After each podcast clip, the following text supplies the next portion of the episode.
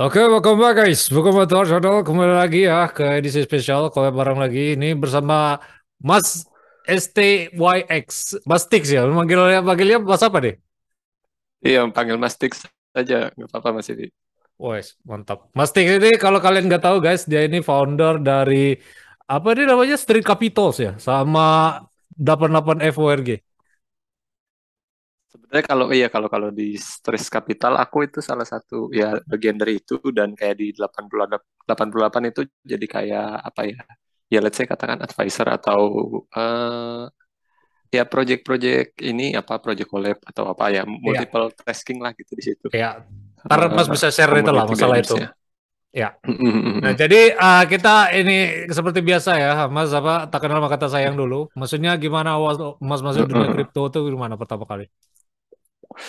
Oke, aku pertama kali itu masuk ke dunia kripto sebenarnya kayak dari pas dulu aku kuliah itu pas udah mau menjelang menjelang mau lulus sih sebenarnya.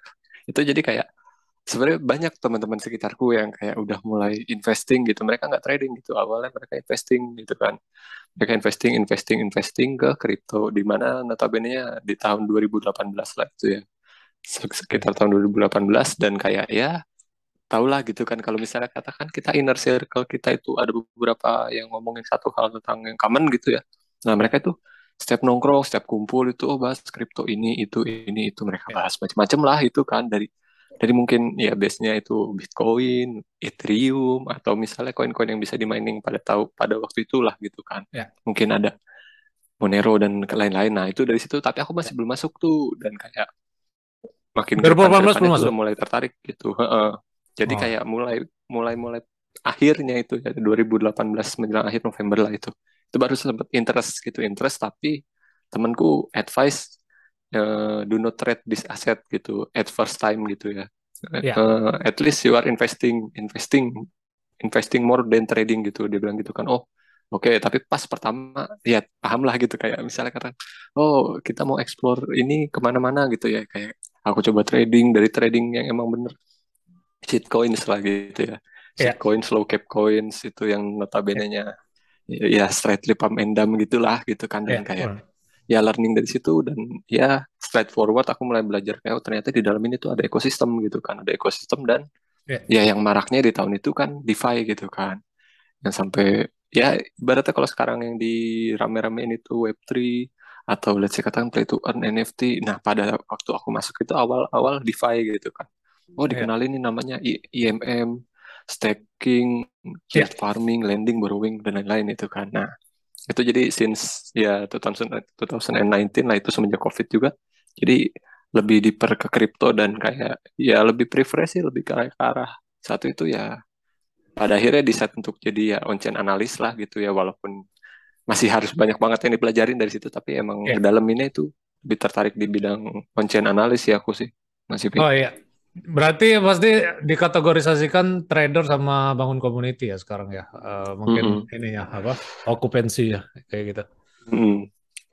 Ya, jadi seperti itu. Eh, ya guys, uh, apa uh, ntar aku bakal share di link deskripsi mengenai uh, Street Capital sama uh, 88 FORG ini ya. Nah, jadi uh, bisa dielaborate dikit, Mas. Maksudnya uh, mm -hmm. tadi kan Mas bilang uh, Mas baru masuk kripto 2019 kan aha momennya hmm. sendiri mas. Maksudnya uh, mas menganggap uh, ini apa crypto is here to stay is not going anywhere. Maksudnya ada di masa-masa hmm. bubble kan waktu itu. Jadi uh, gampang yeah, digoreng lah. Ini bakal goes to zero apalah. Nah mas ini gimana? Hmm.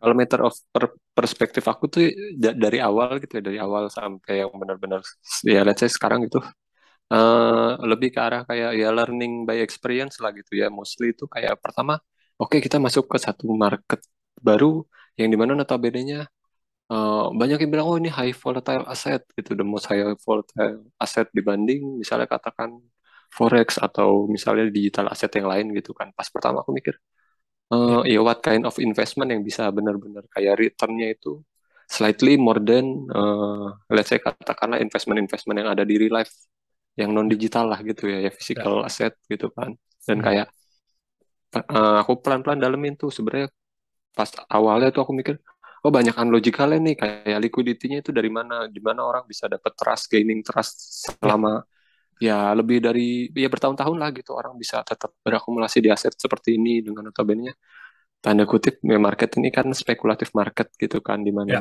setiap ada sentimen atau ibaratnya ada mau itu sentimen negatif atau positif market itu pasti bergerak gitu kan. Nah cuman at the end emang uh, aku realize sih pada akhirnya selama kita itu mau masuk di market ini dan kayak kita mau stay gitu lebih kayak uh, seeking for uh, opportunity tapi benar-benar opportunity itu yang long term uh, apa ya long term conviction play lah gitu ya. Let's say katakan di mana kita ibaratnya invest di satu barang yang notabene-nya at least uh, sustain, di, dibilang sustainable ya harus sustain gitu. Cuman kan sustainable ini kalau di crypto tanda kutip gitu ya maksudnya yeah. masih banyak barrier-barrier yang dibilang kayak wah aset ini sustainable aset ini aset ini enggak itu kan matter of perspective gitu ya cuman yeah. as as the time goes gitu setelah aku kayak ya ngalamin yang namanya loss lah atau ibaratnya backholding atau let's say katakan sampai kena impermanent loss segala macam itulah loss itu gitu yeah. kan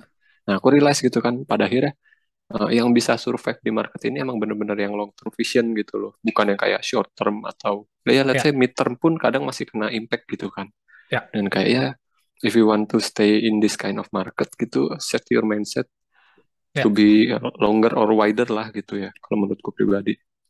Ya, soalnya emang ada storage charge juga kan kalau Bitcoin ya. Kalau hmm. yang lain aku nggak ngerti ya. Jadi ya itu apa uh, aha moment was uh, menganggap mungkin uh, high volatile asset itu ya tergantung dari asetnya juga dan uh, balik lagi ke history charge-nya. Uh, mungkin ya beberapa betul, betul, yang lain bakal goes to zero juga ya. Uh, is going is yeah, going betul, somewhere betul. lah. Kalau kalau yang blue chip blue chip ya itu bisa inilah apa uh, survive kayak gitu kan. Mm -hmm. Ya, jadi apa? ya seperti itu. Terus uh, nah ya masuk ke ini lagi Mas apa yang street capital tadi. Mas uh, mm-hmm. apa uh, fokus ke community atau gimana dia? Apa Mas uh, tadi kan sebutkan trader trader juga. Mm-hmm. Maksudnya uh, ngano apa ngurus ya quote kayak hedge fund juga nggak? Maksudnya trading Oh enggak, kalau misalnya kalau misalnya stress capital itu masih community base ya, di mana notabene-nya kita itu ya let's say katakan kalau kita masuk ke market crypto ini kan uh, mostly individual person gitu kan. Di mana notabene-nya kita nggak pernah tahu nih market goes to which way gitu ya, ya upside ya, downside gitu kan dengan yang gimana notabene-nya ya kita belajar tadi yang gue bilang gitu learning by doing gitu. Kita ibaratnya doing dulu baru kita belajar gitu kan. Nah itu jadi kayak kita ngumpulin semua orang. Di mana notabene mereka itu yang punya interest mau itu mereka main di blockchain mana pun. Let's say katakan selama dia masih di crypto ya kita share ibaratnya uh, dari segi satu market outlook peluang gitu ya. Peluang jadi kita nggak yang kayak mulu-mulu main di satu ekosistem aja gitu. Misalnya katakan ya. yang lagi ramai NFT kita di NFT aja gitu. Enggak gitu. Maksudnya kalau lagi ada testnet gitu kan testnet atau mainnet di mana atau airdrop kita tuh ya sharing knowledge lah gitu. Market analysis knowledge. Ya. atau misalnya ada project collaboration itu sih lebih kayak guidance guide guiding people lah gitu yang emang notabene satu dia mau belajar atau mau share ilmu one and another gitu. Itu sih ya. Jadi ya fungsinya untuk memfasilitator sama lah kayak aku juga bikin Cryptonia channel mm -hmm. ini. Enggak kita nggak bisa advice orang untuk to do anything kan. Makanya aku lebih banyak ke konten podcast uh, dari dua apa uh, sekolah tuh kan banyak orang yang benci sama sekolah tuh kan gara-gara kita seolah-olah disuruh kan tuh apa betul, do kan. Nah jadi kalau aku nggak aku perspektif dua berbeda mereka bisa uh, encourage sendiri maksudnya uh, memutuskan sendiri uh, di sisi yang mana benar, mereka benar, ini benar. kan. Nah, ya jadi itulah aku sama-sama ngerti lah. Jadi uh, role kita sama di sini mas dan aku ngerti uh, posisi mas di Street Capital sama di uh, NFT itu. Nah, hmm. kalau menurut aku pribadi sih kalau di Activate Organization itu aku baru gitu kan, belum belum lah sampai setahun lah gitu kan. Yeah. Jadi kayak setelah aku lihat pun, oh oke okay, sebelum sebelumnya kan ada yang bilang kayak if you want to be active on NFT community gitu kan, karena dasarnya tadinya nih ya maksudnya Activate Organization ini tuh kalau kalau yang aku lihat dari awalnya pun mereka itu NFT community tok tuh ya. Nah ya. cuman founder yang lainnya gitu, founder atau kreatornya itu maunya kita jangan cuma bahas satu aja gitu. If you want to seeking for another opportunity, jadi kalau NFT seperti sekarang lah gitu ya, volume yeah. kecil, nggak ada opportunity, ya kita yeah. pindah dulu ke market lain gitu kan, opportunity yeah. lain. Nah itu jadi kayak mulai masuk masuk lagi recruiting recruiting orang-orang dari yang hmm. different interest lah gitu punya different interest atau different perspektif di ekosistem yeah. lain itu Ya aku setuju sih sama Mas, uh, apalagi bear market ya. Orang yang mungkin ada rombongan yang pentas kemarin atau yang gini banyak kesulitan mm-hmm. kan dia untuk menjual karyanya kan. Karena emang tergantung marketnya gimana. Mm-hmm. Maksudnya bull market aja yang apa notabene uh, marketnya bisa naik itu NFT itu terbilang uh, aset paling illiquid setelah tanah kan kayak, uh, atau rumah kayak gitu kan. Apalagi bear market kan? Jadi ya itu apa makin suram aja itu orang yang nyari liquidity kan? Jadi nah, uh, itu ya itu sih apa ya mungkin ada plus minusnya lah. Orang bisa build community pas bear market pas bull marketnya balik lagi kayak kemarin. Cuman ya uh, apa uh, bro mas uh, dari posisi mungkin mas kan sering flipping image juga kan uh, trader itu hmm, gimana hmm, bro, flipping deep lah. Ya gimana itu?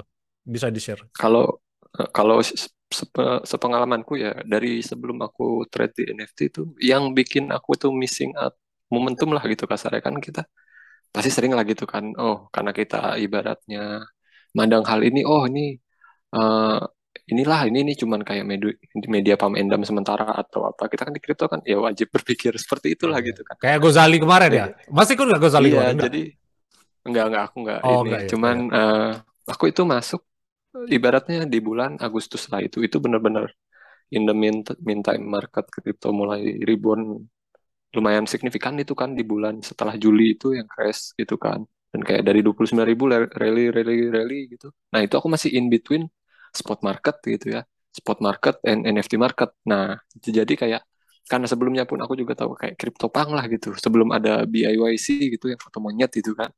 Ya, kayak yeah. aku lihat what uh, ya what kind of demand yang bakal ada di sini gitu loh. Sedangkan kayak uh, they just JPEG gitu ya kalau aku lihat dari perspektif uh, CryptoPunk gitu kan, they don't have a roadmap, tujuannya buat apa, atau JPEG aja gitu. Dan aku vali, val, ibaratnya valuationnya aku pikir di mana valuationnya gitu loh. Sedangkan orang menghargain itu 100 ribu dolar pada waktu itu gitu kan, 50 ribu dolar, 100 ribu dolar sampai saya sampai ribuan Ethereum lah gitu untuk beli satu JPEG aja. Nah cuman kan itu tuh mereka expand tuh mulai tuh muncul sesuatu yang emang notabene at least they, they got utility gitu. Mungkin at yang mereka bilang gitu ya tanda kutip bilang jadi real life brand atau misalnya katakan bisa jadi HIUEO dari A sampai Z gitu kan. Nah cuman di bulan Agustus itu first investmentku tuh di NFT emang fail karena ya di bulan Agustus ada satu investment namanya kalau uh, yang emang masuk di NFT di bulan itu juga ada namanya Metaverse gitu kan.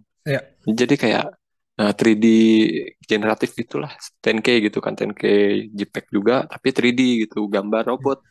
Nah itu tuh itu Mas dapat flip, waktu, flip flip juga itu. Aku sempat sempat ini itu kan revel gitu ya. Jadi dia whitelistnya revel. Aku sempat flip itu dan sebenarnya berhasil tapi salahnya aku buyback itu yeah. dan ibaratnya waktu aku buyback karena aku belum paham banget sebenarnya cara akumulasi di NFT itu seperti apa gitu ya pada awalnya.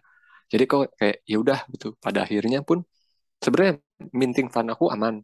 Tapi at the end tuh malah jadi bener-bener buybackku hancur di situ. Jadi kayak ya. aku jual ya jual dua barang bener-bener setelah itu aku ambil agak banyak lagi dan di situ ya investmentnya hancur karena ada insider trade gitu di situ gitu kan. Insider trade dan kayak ya goes to zeros lah gitu. Yeah, goes liquidity lah ya benar. Iya jadi ya at, at the end ya end upnya back holding gitu karena buyback itu dan kayak oh itu memperkuat mindsetku lah gitu ya. Oh berarti ya NFT sama dengan ya money laundering gitu. Aku makin makin mikir yeah. seperti itu gitu kan. Cuman at the time goes as, as the time goes gitu ya. Menjelang menjelang Desember dapat lagi insight gitu. Oh uh, ini nih ada project ini ini ini, ini. karena kan maksudnya kita networking gitu kan kalau iya, di, di crypto gitu kan. Ada yang project begini gini gini. Aku denger lah satu project namanya Azuki gitu kan. Eh. tapi Azuki belum kayak seramai sekarang gitu kan. Dan kayak aku iya. mikir oh iya is this ya yeah, is this worth to invest? gitu kan. Dengan kayak oh notabene nya eh. waktu itu temanku nggak willing to take a risk alone gitu kan. Jadi kayak ya udah gimana kalau kita split gitu kan. Ini jatuhnya waktu aku masuk Azuki pun dibilang gamble, gamble percentage-nya itu lebih gede. Lah iya, Azuki kan rakpul juga kan, gitu kan akhirnya. Iya, projectnya. Uh, ibaratnya tuh pas pas Desember jadi sebelumnya itu kan belum launching tuh dia launching di Januari gitu kan Januari ya, tahu aku. setelah itu oh ya udah oke okay. ibaratnya uh, dia whitelist dari dia tapi kita modalnya berdua dibagi dua gitu kan dibagi dua ya. oke okay. setelah itu sharing profit akumulasi akumulasi akumulasi akumulasi oh ternyata jadi meta gitu kan jadi meta. Dan ya aku mikir di situ oh ternyata nggak cuman straight money laundry aja gitu tergantung sama emang bener-bener mereka gimana taking over the product uh, the product gitu ya. Emang ya saya katakan the project itu mau dibawa ke mana pelan-pelannya emang. Tapi kalau menurutku pribadi gitu ya nah, dari pengalamanku di apa di NFT dari awal yang Agustus tadi aku bilang itu sampai sekarang kalau menurutku pribadi market ini tuh market yang tadi Mas Ipi bilang gitu ya non liquid lah gitu ya di mana notabene volume hilang nggak ada buyer gitu loh ya kan. Oh, jadi kita ya itu lebih parah iya. dari inilah apa kayak Mas tahu yang fenomena token Squid Game yang kemarin yang rug pull itu? Nah iya itu. Itu kan uh, apa liquidity poolnya dicabut kan Nah, hampir sama kayak gitulah. Mm -hmm. NFT ini kan nggak ada liquidity poolnya, jadi uh, emang nggak li illiquid. Mm -hmm. Jadi, ah nggak ngerti lah aku. Ya makanya aku uh, bukannya aku mendiskreditkan NFT bukan di sini. Aku ngerti juga orang yang bikin seni jual karya di sana atau kayak gimana kan.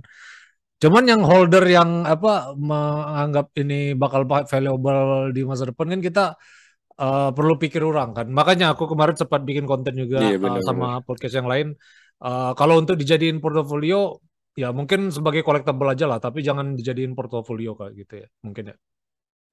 Bener, maksudnya kalau untuk hedging atau apa nggak cocok. Nah, pada iya, akhirnya aku berpikir itu. seperti itu gitu. Ya, Let's say katakan pada, iya pada awalnya kan, oh apa ini bisa kalau dijadiin media akumulasi bisa tapi ya. kalau kita out of hand pada akhirnya kita investing bener-bener profit yang kita dapat kita beliin semua lagi ke sini untuk let's say katakan hedging hedging aset kita yang minus di mana itu nggak bakal ketemu ujungnya gitu. Karena perspektif atau ya alurnya project founder atau semua project yang ada NFT gitu dari top sampai maksudnya dari top sampai bottom mereka itu masih yang kayak blaming to the community aja gitu loh. Maksudnya kayak, sebagus apa pun projectnya lah gitu.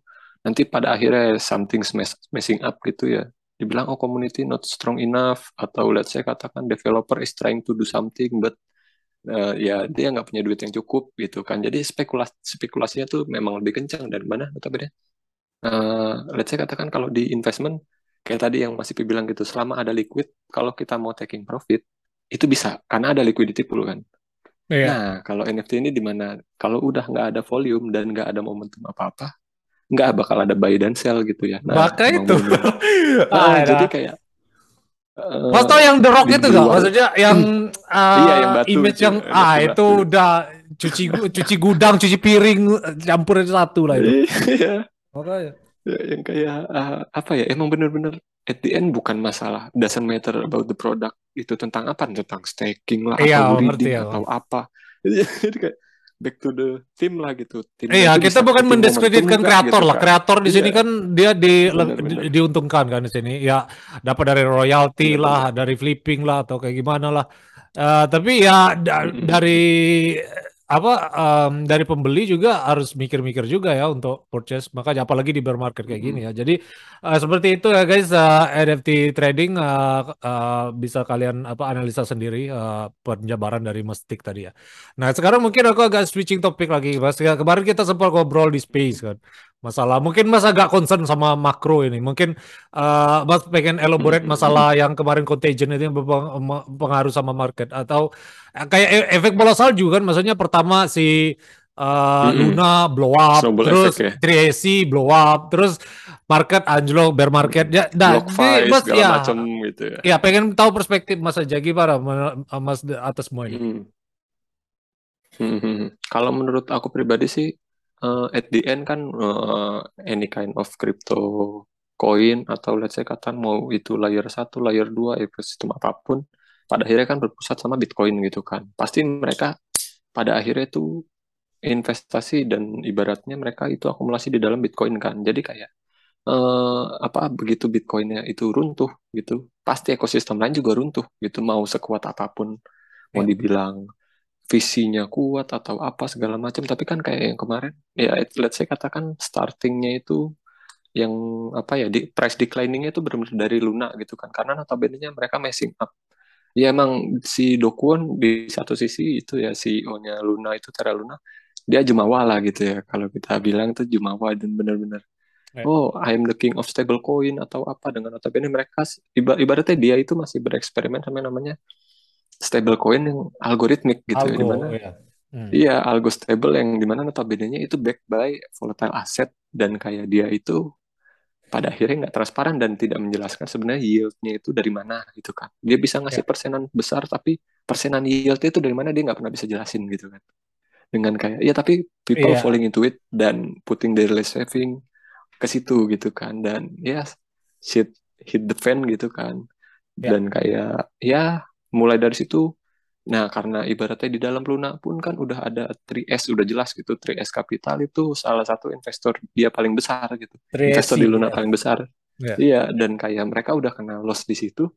Nah otomatis uh, ya kalau di crypto ada winner side ada losing side lah gitu ya. Nah sebenarnya iya. ya kalau misalnya kita zero sum game lah kita mau iya kita mau dalamin sebenarnya ada fontur atau ibaratnya perusahaan-perusahaan yang tetap menang gitu. Tapi pada akhirnya kalau menurutku yang aku baca dari kemarin itu semua perusahaan yang insolvent gitu ya. Semenjak Luna kemarin mau ada BlockFi, Voyager, ada Celsius, 3S Capital dan lain-lain itu masih banyak iya, lah. Iya, gitu dead spiral lah. Itu, iya. Iya, jadi benar-benar itu kan ngerontokin semuanya dan notabene-nya Fontur Capital yang menang ini ya gitu. Maksudnya ini katakanlah yang ada pakai Fontur Capital segala macam itu kan yang pada bermain di bawah Bitcoin gitu kan. Mau di Ethereum atau apa mereka tuh back by Fontur Capital tanda kutip gitu kan. Hmm. Notabene uang-uang besar yang notabene pada akhirnya pun berpusat tetap di Bitcoin gitu kan dengan hmm. apa yang tadi ku bilang ya Fontur yang menang itu pada akhirnya acquiring gitu kan. Let's say katakan yang kayak aku lihat ada Alameda Research, ada yeah. FTX Venture. Kalau misalnya Binance dia kayaknya belum beli perusahaan apa-apa karena dia mungkin masih lihat manajemen resikonya atau apa dulu lah. Cuman kayak yang aku lihat uh, kemungkinan besar kalau dari semua spiral ini yang masih benar-benar menghasilkan profit itu kayaknya ya orang-orang dari FTX lah gitu. Orang-orang yeah. yang sembeng man gitu kan. Uh-huh. Gimana tapi dia tiba-tiba nolongin Voyager, nolongin Celsius dengan kayak mereka kasih loan gitu kan dengan kayak ya berarti ya they are winning gitu kan tanda kutip winning winning the war dengan setelah winning the war mereka acquiring perusahaan-perusahaan yang mereka kalahin gitu loh. Ya itu, itu emang klasik sih. Masa aku ya namanya zero hmm. sum game tadi ya. Kalau FTX ini udah ibaratnya code code the Fed sih. The Fed kan kalau misal hmm. ini apa uh, contoh yang pas 2020 kemarin pas uh, corona kan Mas. Semuanya anjlok kan. Jadi tapi di sisi lain ekonomi ter, uh, harus terus berputar kan, otomatis bank sentral cetak uang lagi. Kan? Nah, bisa dia cetak cetak uang lagi ya terpaksa ini apa uh, harus ada yang dibantu kan oleh government. Soalnya uh, jangan sampai bangkrut. Kalau bangkrut ekonomi rusak kan korongkot padahal itu jualan Wall Street aja kan. Uh, nyatanya tetap iya, uh, pegawai-pegawainya itu tetap dipecat kan. Jadi uh, apa uangnya tuh ya de deploy ke bailout uh, Boeing contohnya kan. Kan nggak bisa pesawat ini kan dapat profit dari sana. Justru bailout tuh ya ini apa menyesarakan rakyat. Soalnya uh, di masa depan kita harus ganti sama pajak lah terus bondnya iya. nggak bayar lah sama gitu kan. makanya apa ini sama contohnya kayak SBF ini ya kita nggak tahu mungkin uh, dalam jangka waktu pendek kan dia uh, nge out lah quote on quote sama kayak the Fed hmm. perannya ini uh, SBF ini nge out uh, company-company yang bankrupt ini cuman ya itu uh, jang jangka depannya ya mungkin lebih tersentralisasi ke FTX kan jadi ya nggak ngerti lah bener dengan kayak apa ya? Ya katakanlah kalau itu kan masih mikro di dalam kriptonya gitu ya dengan kalau kita sinkronin ke makro gitu ya let's say katakan dari the Fed gitu the Fed menaikkan suku bunga nanti lah tanggal 28 apa 29 itu ya masih masih ya? Fed FOMC ya FOMC ya FOMC itu. Nah itu kan jadi tanggal 28 apa 29 gitu aku terakhir lihat kalendernya. Nah di mana notabene nya uh, market itu ya kalau misalnya saya katakan suku bunga naik itu di mana sebenarnya orang itu dipaksa untuk nggak konsumtif lah gitu ya kasarnya. Kalau misalnya dari segi yeah. makronya. Dengan notabene oh berarti kalau mereka nggak boleh konsumtif mereka kurangin posisi dulu gitu kan. Nah makanya kayak perspektifku tuh kayak kemarin rebound. Ya namanya market kan nggak selamanya turun dan nggak selamanya yeah. bakal naik gitu kan. Jadi kemarin udah turun turun turun turun ya refresh dulu lah mungkin ya dia hmm. udah lihat udah oversold atau apa teknikalnya gitu kan. Dan notabene yeah. ya oke okay, ada relief rally let's say 40% atau yeah. berapa puluh persen gitu kan old altcoin dengan notabene tapi uh, ya if we are seeing the macro gitu ya makroekonomi pun lagi fuck up gitu di mana sebenarnya semua currency fiat itu melemah satu doang yang menguat US dollar gitu iya dolar sampai Europe iya Europe dolar aja yang tadinya di atas US dollar pun kalah gitu rontok gitu kan Nah, ya gimana ya. mau ini melemah dolar soalnya udah di stop kan quantitative tightening kan nggak ada lagi orang cetak-cetak dolar. Hmm. Jadi ya bener, bener, di bener. apa kalau orang butuh dolar otomatis harga naik kan. Itu hukum alam lah supply and demand. Jadi ya inilah apa susah juga sih ngelihat di makro sekarang mungkin kalau dibilang kita di resesi aku pikir nggak juga. Soalnya ya kemarin kan masih ada rally terus uh, ekonomi masih bisa jalan uh, walaupun secara dua kuartal definisi resesi itu kan secara uh, dua kuartal berturut-turut itu mengalami minus ya nah tapi hmm. ada di sisi lain yang namanya stagflasi juga kan kalau stagflasi itu kan uh, kalau kita naruh duit di equity itu boncos, naruh di dolar iya, kena inflasi. Jadi, jadi stag, stagnan, iya. Nah, jadi menurut Mas di sini kita di di posisi mana? Resesi, inflasi atau stagflasi? Gimana deh? Sebenarnya lebih ke arah kalau aku setuju sih kayak bisa jadi itu stagflasi gitu ya. Maksudnya karena kalau mau dibilang yeah. apalah inflasi atau misalnya hyperinflation gitu, udah ada yang spekulasi seperti itu gitu kan aku baca-baca di media atau di news dan kayak tapi maksudnya ini ya ekonomi still going cuman maksudnya nggak balance ini si the Fed kan udah ngurangin peredaran dolar gitu ya. Cum, tapi nggak membuat inflasi itu turun gitu karena masih ada sentimen perang atau ibaratnya masih ada banyak iya. komoditi-komoditi yang notabene-nya ya kayak minyak atau apa yang masih benar-benar ya masih dipertaruhkan lah gitu loh cuman yang kayak ya jadi jadi jeruat ke mana-mana jadi kayak kalau menurutku pribadi sih uh, kalau yang aku lihat teman-teman ya belakangan yang yang beberapa momen ke belakang ini kan jadi kayak interest rate dari yang 0, gitu ya sampai yang naik ke satu gitu kan berapa bulan lalu.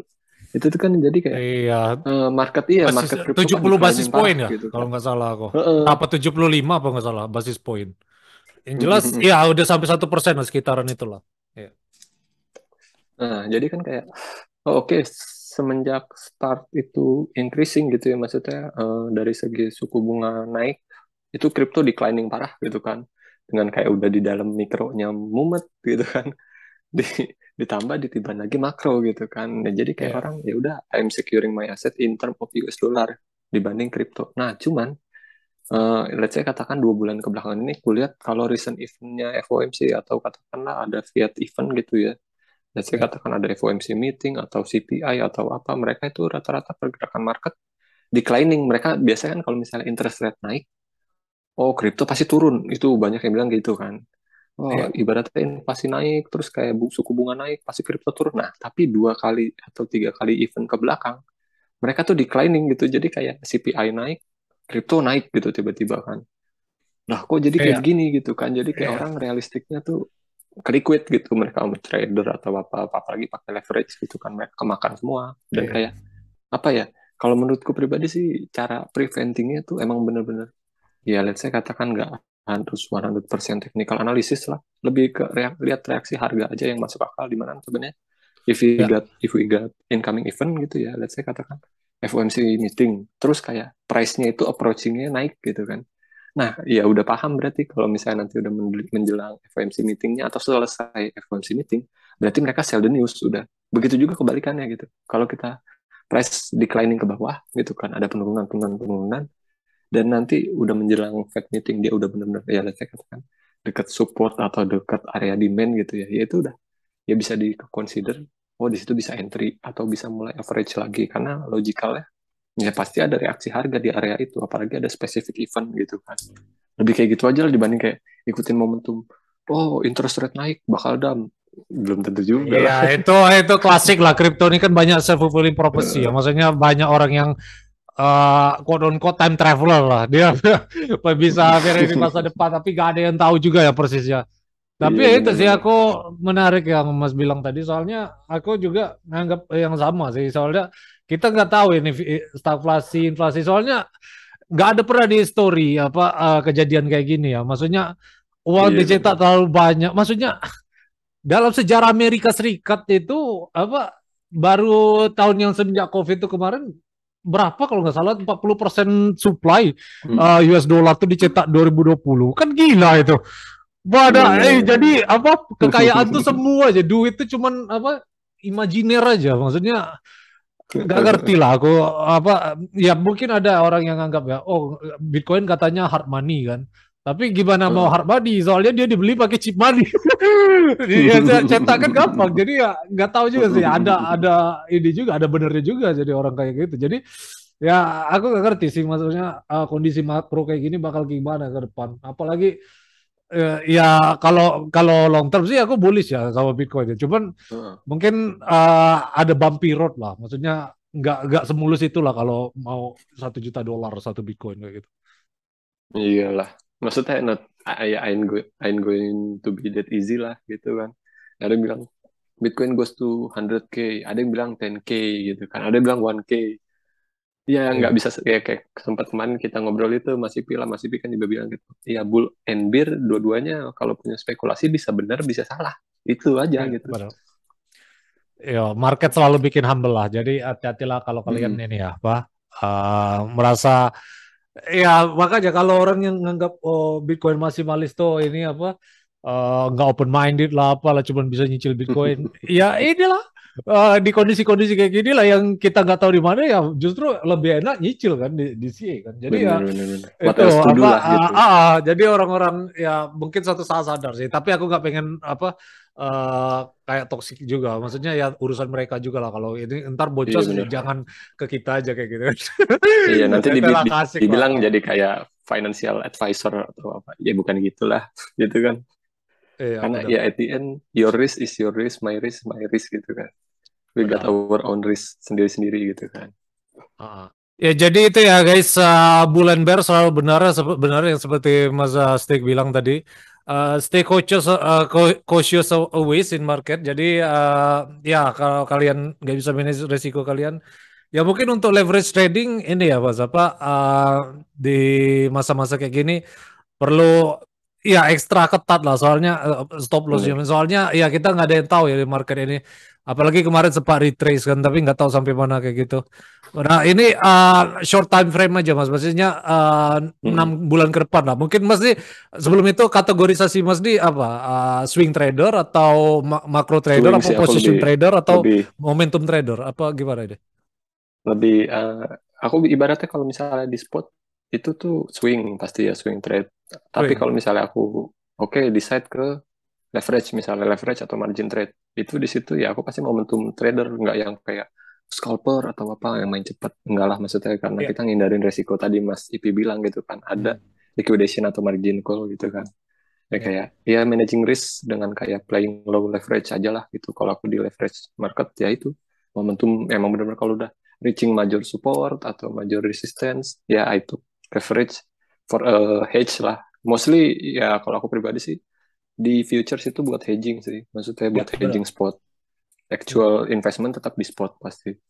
Iya benar lah ya apalagi untuk long term ya jadi emang uh, hmm. ya bisa jadi swing trader juga bisa jadi invest juga kan ya eh, ini uh, no financial hmm. advice uh, you do you I do me jadi ya ka kalian bisa apa um, posisikan diri kalian sendiri juga ya walaupun uh, regardless uh, siapa yang kalian apa pantau kayak gitu ya nah terus uh, mas berapa bulan ke depan nih uh, benar, benar. karena mas trader juga kan uh, bullish hmm. atau gimana bearish atau gimana atau ada spesifik price target atau kayak gimana mungkin bisa di share kalau spesifik spesifik price target aku pribadi sih nggak optimis kalau untuk Bitcoin itu sendiri gitu ya. Nggak bakal optimis. Dia nah ya ibaratnya dia approaching let's say katakan area-area 40k gitu ya 40k atau let's say 35k itu kayak ya non logical price lah untuk sekarang gitu karena maksudnya. Kalau setelah sebelum-sebelumnya aku pelajarin gitu kan kayak dari mana orang-orang ini bisa spekulatif gitu kan. Kayak misalnya katakan influencer A gitu lah saya katakan plan B gitu ya. Plan B dia pakai metode S2F kalau nggak salah ya stock to stock flow, to ya. flow. Ya. masih masih ya nah itu kan dia bisa spekulatif Bitcoin 100k segala macam dengan kayak ada ibaratnya yang lain-lain spekulasi bla bla bla gitu sedangkan kayak ya market ini kan bergerak yang tadi Mas Ipi bilang juga ya historical price gitu kan dengan notabene pasti ada cycle gitu ya. cycle empat yeah. tahun gitu kan halving dan kayak dari sebelum sebelumnya aku lihat gitu price actionnya setelah setelah atau sebelum halving ya tahun-tahun kayak begini gitu lah saya katakan sekarang tahun ketiga lah ya mas ya, ketiga kalau nggak salah nah ya.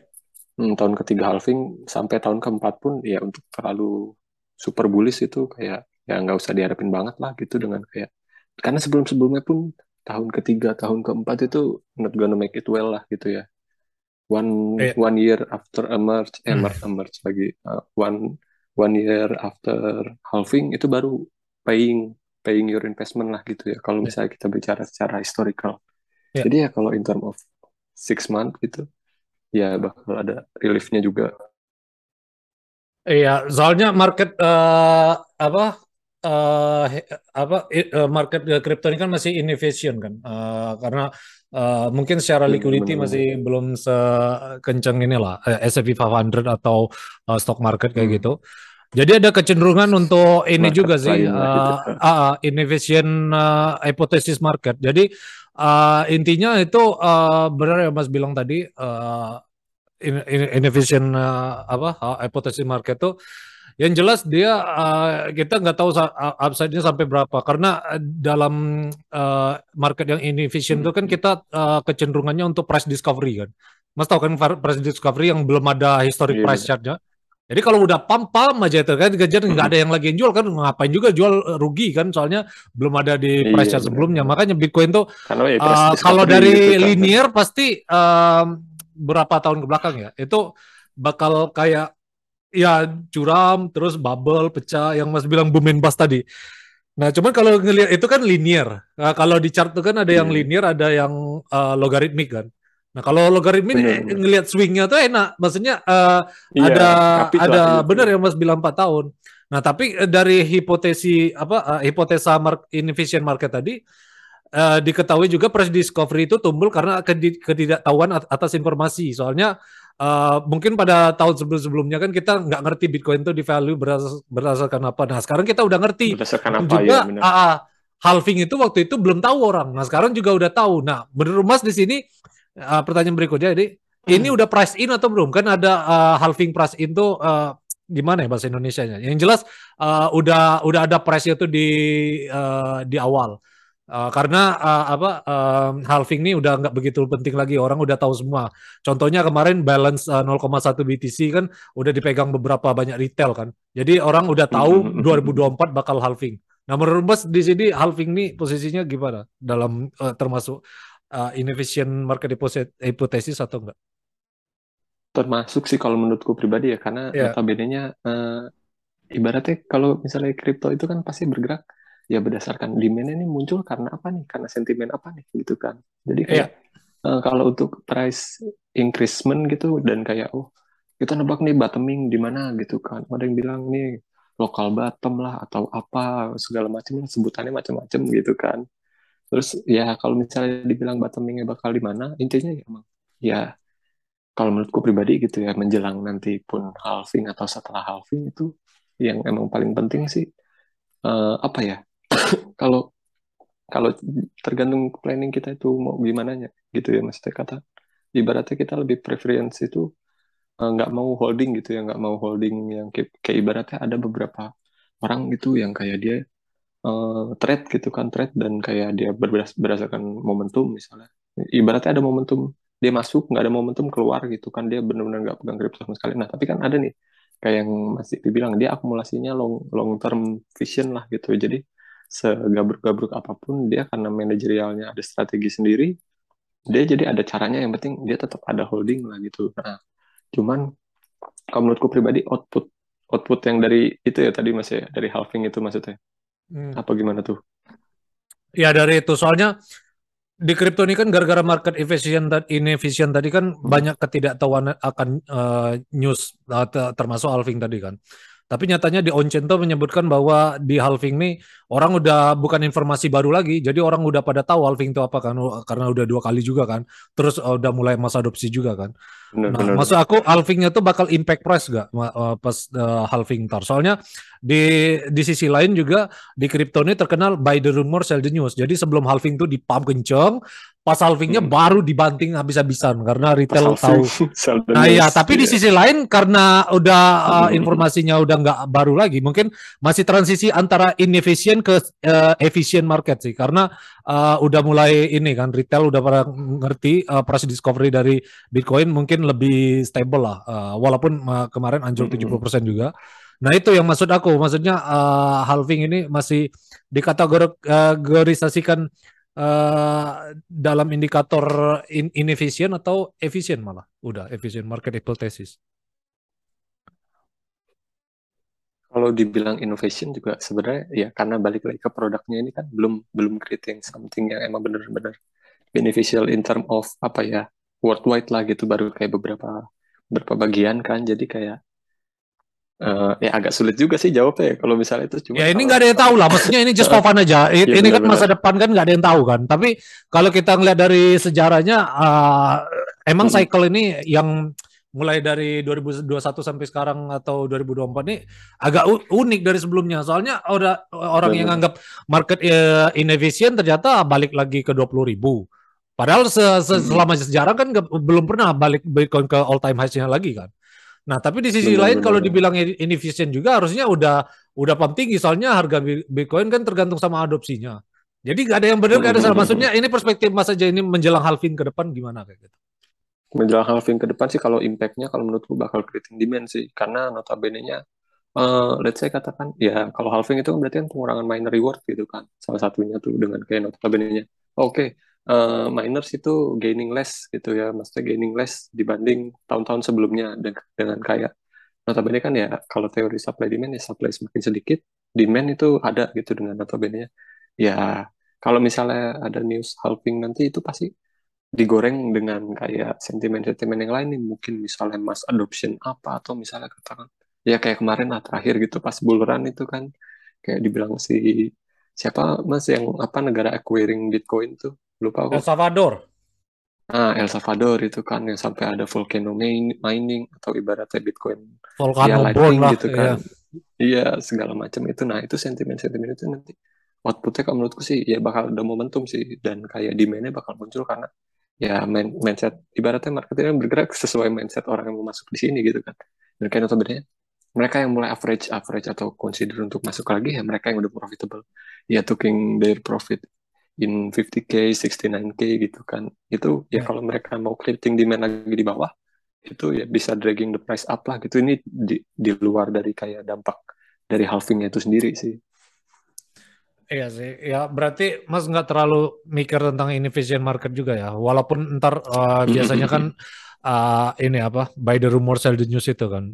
Ber berarti nggak terlalu impact ya. Soalnya orang udah tahu juga udah ngerti kan halving eh, itu apa dan mungkin bener, bener, bener. Uh, this time is different lah. Tapi tiap cycle tuh selalu ada narasi this time is different ya. Maksudnya menurut mas ini this iya, time iya, is different ya. Maksudnya ini kan gak ada yang tahu kan. Maksudnya ada iya, yang ngomong super cycle lah apalah satu flow lah apalah. Yeah, si di sini Suzu apa? gitu kan. Suzu bilang yeah. super cycle gitu kan. Iya ya itu kalau menurutku pribadi sih ini kayak uh, karena notabene-nya yang yang balik lagi ya maksudnya yang masuk ke Bitcoin ini kan pasti orang-orang yang akumulasi di bawah-bawah investment yang Bitcoin gitu begitu mereka ngalor ngidul lah main di DeFi di layer satu layer dua fontur-fonturnya pada pumping and dumping investment itu pada akhirnya mereka buying back Bitcoin gitu kan yeah. dengan kayak notabene setelah mereka itu benar-benar oke okay, uh, eh, we are living altcoin dulu gitu kita akumulasi dulu di Bitcoin. Makanya kan ada cycle-cycle oh yeah. si Ethereum outperforming Bitcoin atau altcoin outperforming Ethereum gitu kan. Jadi kayak kalau misalnya nantinya pun oke okay, menjelang halving let's say katakan ekosistem ekosistem di luar Bitcoin gitu ya. Misalnya katakan Bitcoin kan berdiri sendiri gitu kan. Dia ibaratnya tapi di bawahnya itu ya ada ada curut-curutnya lah mau Ethereum, BNB segala macam itu kan. Jadi kayak kalau emang menjelang atau nanti setelah mer eh merger lagi merger mulu dari tadi. Oh, ini apa? Setelah apa halving kayak ya ibaratnya sebelum sebelum halving deh misalnya layer layer satu layer dua itu semua altcoin lah termasuk Ethereum. Itu ya. outperforming Bitcoin dengan kayak notabene-nya ya Bitcoin udah benar-benar approaching. Ya nggak mau turun lagi lah gitu ya Nah, ya. di situ kan berarti udah nanti ada ada saatnya mereka reaching the top gitu ya, maksudnya layer 2 atau segala macam ekosistem yang lainnya setelah itu pullback nah mulai itu Bitcoin kan rising up di situ berarti ya uh, saya katakan MM-nya gitu ya market maker-nya itu udah decide untuk mulai pumping Bitcoin atau creating demand di Bitcoin itu sendiri sih itu. Yeah. Ya sih, udah mulai kelihatan ya mungkin uh, ini build up the mm-hmm. momennya. Kita nggak ada yang tahu juga masa depan. Uh, tapi kalau eh, ya masih kan bukan masih malis ya, tapi uh, completely trader kan. Aku lihat juga hmm. mas apa uh, maka uh, masang INS domain ya dot .eth kan kayak gitu kan.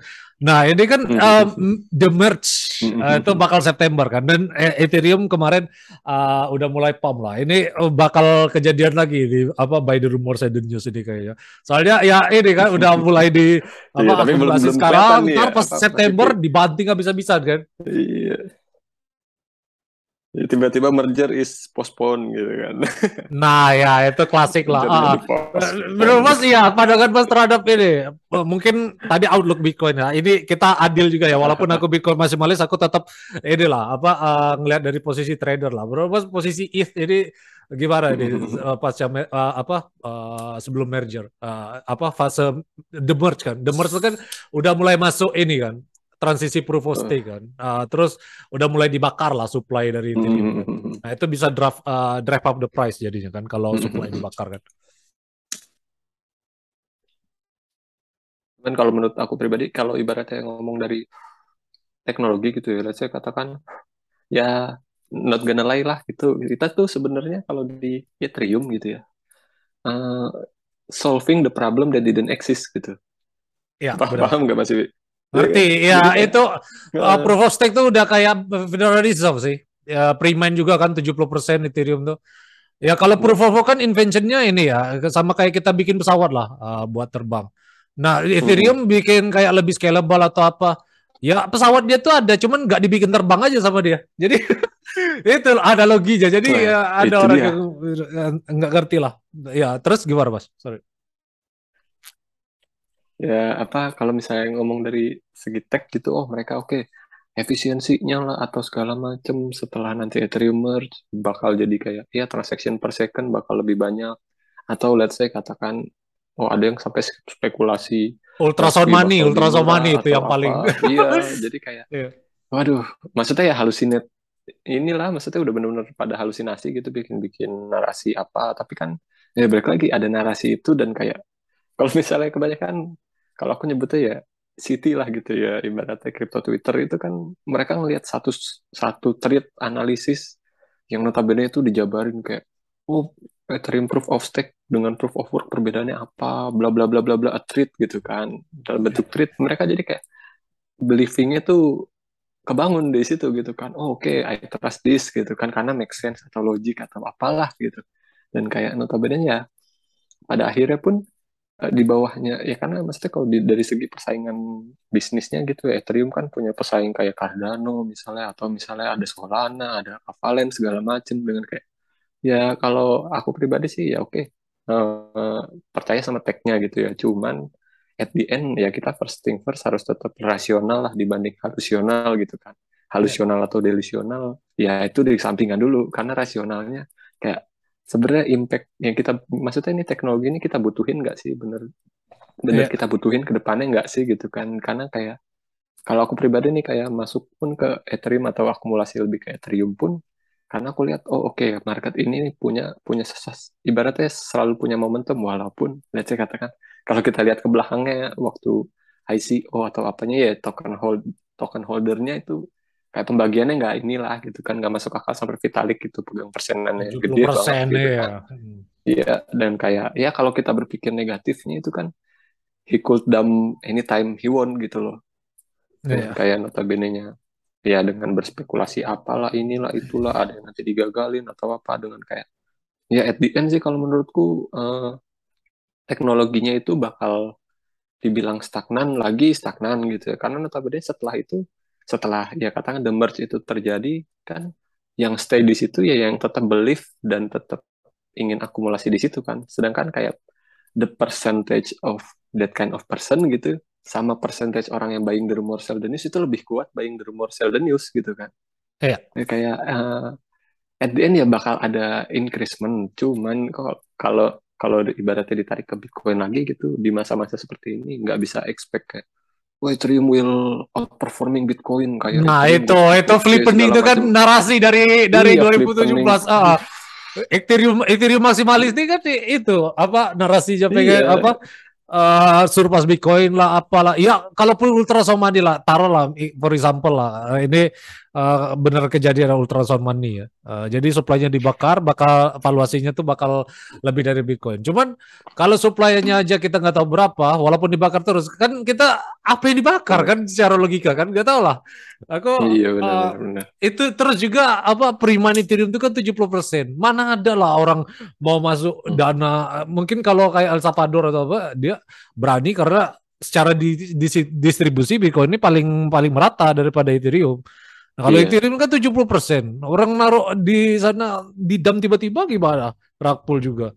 Nah, Sama itu dia. Aja. Karena ya di mana misalnya katakan ada mass adoption gitu, the early adopter gitu ya, maksudnya the early adapter yang emang bener-bener kayak misalnya katakan ada perusahaan A, B, C, D, venture capital baru masuk nih misalnya tahun ini venture-venture sebelumnya ya taking profit pasti begitu mereka masuk gitu kan yeah. kayak kayak flip ibaratnya ya lu masuk cuci piring gitu kan. Kamu masuk cuci piring deh gitu kan. Saya udah dari kemarin-kemarin kerja di sini kasarnya gitu kan.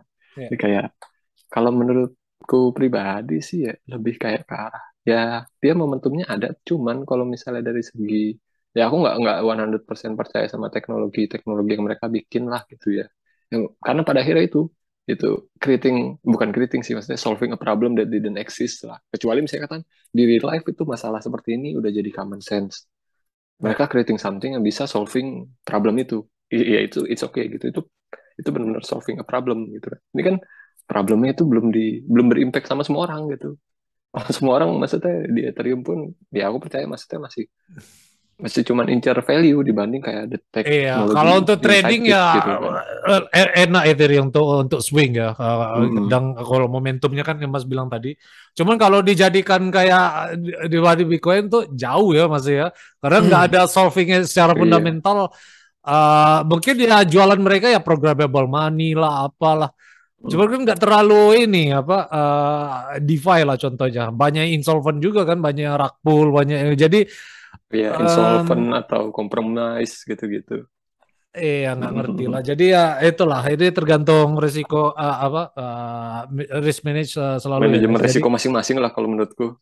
Uh, uh, jadi kita udah kasih tahu fundamental Ethereum kayak gitu, fundamental Bitcoin kayak gini. Jadi kalian bisa desain sendiri apa kalian compatible-nya di mana kayak gitu ya. Kalian juga hmm. perlu verify lagi kalau kalian uh, di, sekiranya nggak nganggap ini uh, nggak terlalu uh, apa valid kayak gitu.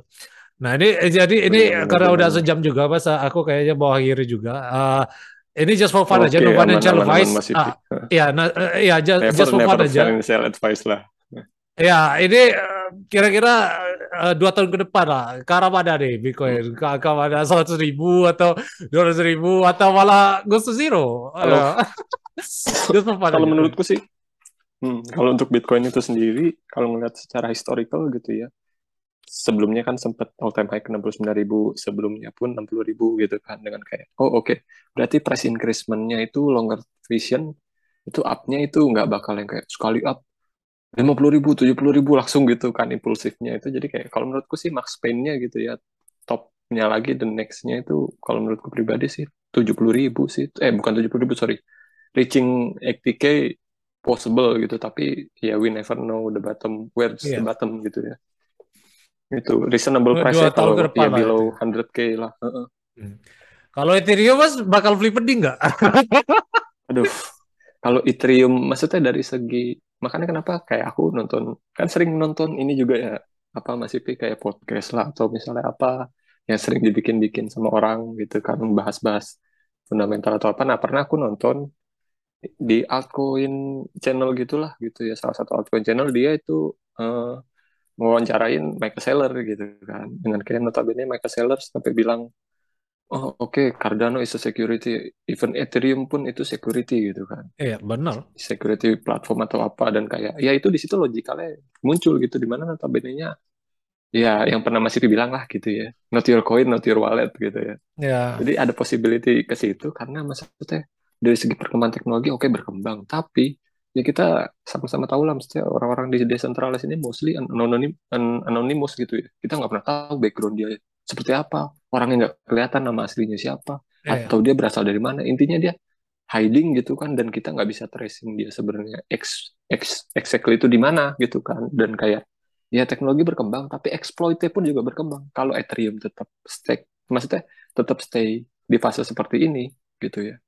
Ya believe on the bubble teori lah gitu ya itu bakal terjadi gitu bukan flip pending doang gitu maksudnya yeah. karena kita ya preparing for the best scenario atau the worst scenario selalu gitu kan yeah. ya yeah. worst skenario nya kalau tetap people keep losing money atau ya, kayak cuman modelan satu dua tiga orang yang selalu profitable di Ethereum gitu pada akhirnya ya who's gonna buy Ethereum gitu kan eh. pada akhirnya siapa yang mau ngembangin lagi maksudnya siapa yang mau percaya kalau spek skematik itu seperti itu gitu kan iya Karena, iya sih ya aku sama-sama ngerti juga soalnya ya kalau masalah fundamental tadi kan udah dibahas ya. Tapi kalau menarik tadi masalah sebutkan security kayak gitu ya.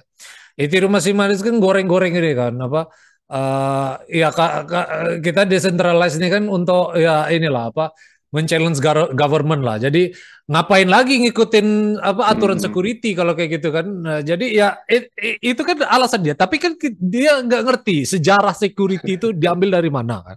Itu kan dari yang zaman Ponzi waktu iya, dulu. Jadi dia tuh punya supply yang terbanyak dengan ekspektasi profil. Ya wajar itu diregulasi. Soalnya kalau enggak dia yang punya supply yang banyak yang bisa exploit the market kan.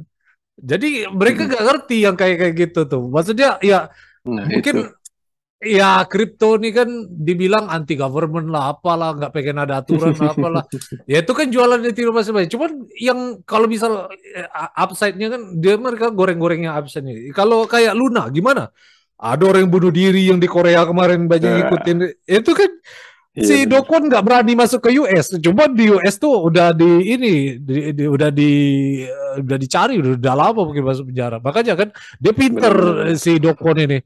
Gorengnya inilah apa uh, jadi Bitcoin holder terbesar di dunia lah, habis Michael Saylor. Ais, dah nggak ngerti lagi lah. Malah kena dam yang ada. Iya, langsung jadi tiga eh, dari berapa itu? Dari ratusan ribu BTC langsung jadi 10 atau 20 BTC gitu sih nggak tahu di mana aja duitnya tuh. Nggak ngerti ya uh, makanya nggak nggak ada nggak nggak ada transparansi gitu kan pada akhirnya. Lah iya. Tapi ah, yang nah, aku masih herannya masih ada hmm. arminya yang masuk ah, kan ada 2.0 oh, kan? Luna, Luna banyak army ya. Udah jelas susah masih pi maksudnya katakanlah uh, let's say kalau misalnya aku pribadi sih lebih suka itu sharing thoughts and opinion itu misalnya katakan sama maksimalis yang logical gitu. Ya let's say katakan Bitcoin maksimalis itu ya rata-rata logical gitu. Maksudnya mereka berpikir logik bukan halusinasi lah gitu. Cuman kalau udah ngobrol sama Ripple gitu ya Ripple maksimalis Cardano maksimalis. Ya apa itu, itu bukan gitu maksimalis kan, itu. Kalau token lain itu mah Army dia bawa shitcoin Army. Iya udah, udah kalau Bitcoin maksimalis itu gitu kan, kan. karena kadang gini lah ya orang aku yang aku herannya oh, oh kenapa Bitcoin masih malis atau apa? Ya kita nih selama ini uh, Bitcoin itu kan matematik kan math. Bitcoin is math. Karena hmm. orang nih eh, naruh math tuh take it for granted aja selama ini kan. Kita kan selama hmm, selama ini kan diatur oleh matematik. Dari waktu lah hmm. dari uang lah dari apa cara kita bicara. Terus uh, psikologi juga kan di market kan ada mathnya juga kan P-cycle lah atau iya, apalah. Jadi itulah maksudnya orang nih nganggap uh, take take it for granted aja matematik nih. Makanya nganggap Bitcoin ini toksik kayak gitu. Padahal kan enggak gitu. Ini ada rasional uh, uh, rasional apa ya? Dibilang ya. Rasional belief ya. Maksudnya uh, rasional hmm. dibilang cult juga enggak sih? Dibilang pengkultusan juga enggak juga. Jadi uh, kita ini rasional kayak gini. Memang ada matematiknya, benar, soalnya matematik itu kan absolut, nggak bisa diganggu gugat kan. Makanya itu yang menganggap uh, ya itu soal masih balis lah. Tapi yang jelas uh, orang suatu saat bakal ngerti juga sih. Benar-benar. Ya, when ibaratnya apa ya? Kalau kalau yang sebelumnya kuliah dari pas aku awal masuk gitu kan. Oke, okay. ya katakanlah kalau sekarang uh, nomor satu selalu Bitcoin gitu kan, nomor dua ETH, nomor tiga BNB segala macam tapi maksudnya yang sebelumnya aku masuk juga kan dulu ya adalah gitu. Kayak out of nowhere gitu kan ibaratnya. Ya Ethereum itu belum jadi nomor dua gitu. Nomor dua itu dulu Ripple gitu kan dan ya, kayak notabene-nya ya berarti anything can possible happen gitu dengan kayak apa pun di bawahnya Bitcoin itu masih bisa ngalor ngidul. Iya anything yang dia ada di top 5 itu bisa ke top 10 itu kan. Ah, anything yang ada di top 10 itu bisa juga ke top 20 atau top 50 atau top ibaratnya 100 gitu kan. Ya, kayak itulah. Jadi kayak uh, ya Gak usah jauh-jauh. Luna kemarin ke top 5 iya. langsung goes to zero. Iya. Jadi kayak ya if you want to be a maksimalis ya oke okay, gitu. Tapi jangan benar-benar maksimalis yang nggak rasional gitu loh. Tetaplah kita pentingin di mana notabene ya kita kan. Ya anggaplah kalau aku yang aku tangkap gitu ya dari awal pun ya kalau kita beli bitcoin let's say katakan kita beli bitcoin ya kita kayak beli emas gitu kan. Kalau kita beli ethereum ya kayak kita beli real estate di mana notabene kita bisa mengakumulasi gitu kan. Kita bisa at least uh, apa ya uh, predik bukan predicting sih lebih kayak uh, menjumlahkan kira-kira oh kita bisa mengakumulasi aset ini sampai modal kita at least balik belum ngomongin profit ya. Itu kan yeah. jadi bisa diakumulasi di A B C D sampai mana gitu ya. Jadi emang di yeah. seperti itu gitu. Jadi kayak ya kalau udah satu doang kita nih maksimalis banget di situ. Jadi kayak buta lah gitu. Sama ya, iya maksudnya maksimalis gitu, di sini lebih ke ini sih apa namanya uh, dari segi fundamental protokol ya sih. Kalau yang Ethereum atau lain bisa di change bisa diganti. Uh, makanya enggak apa uh, riskan lah untuk dijadikan untuk hedging atau untuk uh, personal portfolio kayak iya, gitu. Betul, Jadi betul. Uh, ya bukan berarti juga kalian nggak bisa. Ya aku uh, tujuan uh, ya altcoin itu ya untuk mendapatkan uh, lebih banyak bitcoin sih. Uh, ya itu ada tujuan yang lain juga. Mungkin tergantung yang lain juga. Hmm. Jadi uh, itulah jadi guys uh, mengenai apa? Jadi akumulasi uh, lah gitu ya. Ya akumulasi Bitcoin melalui shitcoin itu sih uh, intinya uh, kalau ya di kripto kayak gitu. Ini udah sejam juga, jadi uh, thank you mas atas waktunya. Uh, super selalu ya guys, aku bakal share link siap, deskripsi mengenai uh, Mastik dan juga komunitinya kayak gitu. Thank you mas sekali lagi and leave a like and subscribe to our channel ya.